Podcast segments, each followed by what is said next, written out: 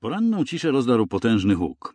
Przeleciał po otulonej mgłą dolinie i bystrym nurcie rzeki Bosny odbił się echem od zielonych wzgórz otaczających miasto.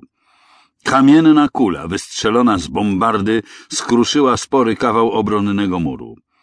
Rozpoczął się kolejny dzień oblężenia bośniackiej twierdzy Dobor.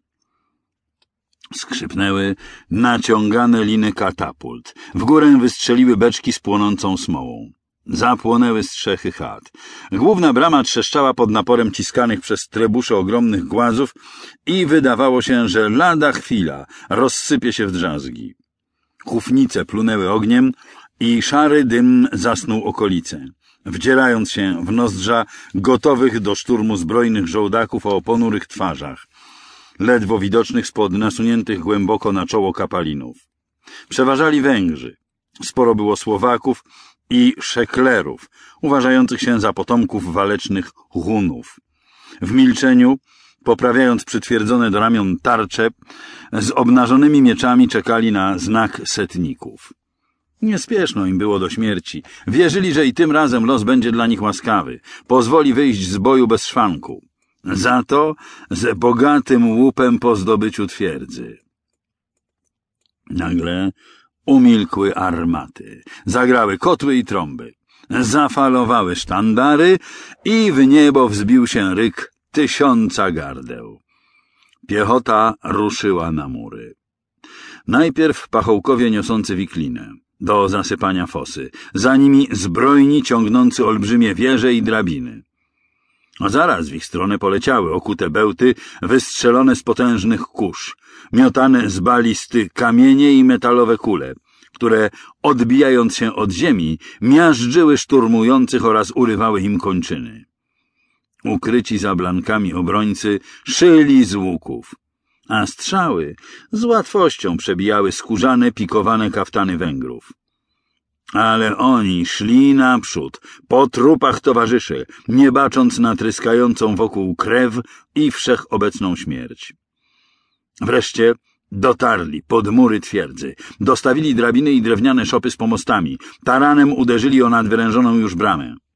Mieli nadzieję, że tym razem wedrą się wreszcie do środka, wytną w pień bośniaków i zdołają pojmać ich króla.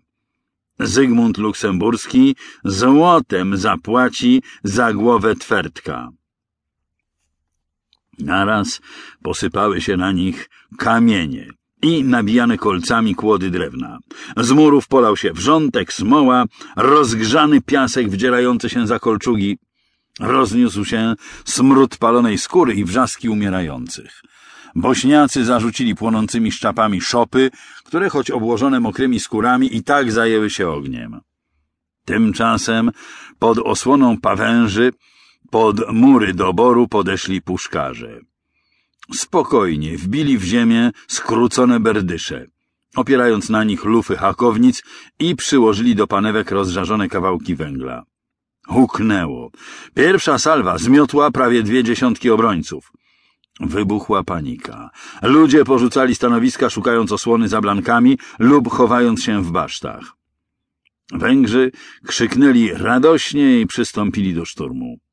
Wdzierali się na mury w uczynione przez kule wyłomy i rzucali się na przerażonych bośniaków, którzy poczuli pierwszy powiew zwątpienia. Było pewne, że lada chwila ustąpią. A gdy żołdacy wyłamią bramę i wkroczą do środka, zacznie się rzeź. Ulice spłyną posoką.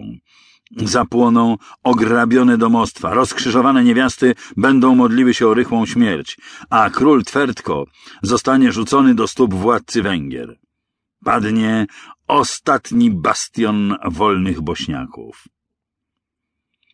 I nagle, gdy już wydawało się, że wszystko stracone, powietrze zadrżało od potężnego ryku surm, a z gęstwiny lasu wypadły dwie setki zbrojnych.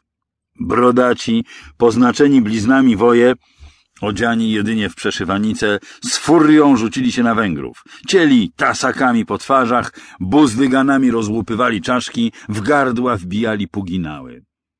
W obrońców wstąpiła nowa nadzieja. Ruszyli niesieni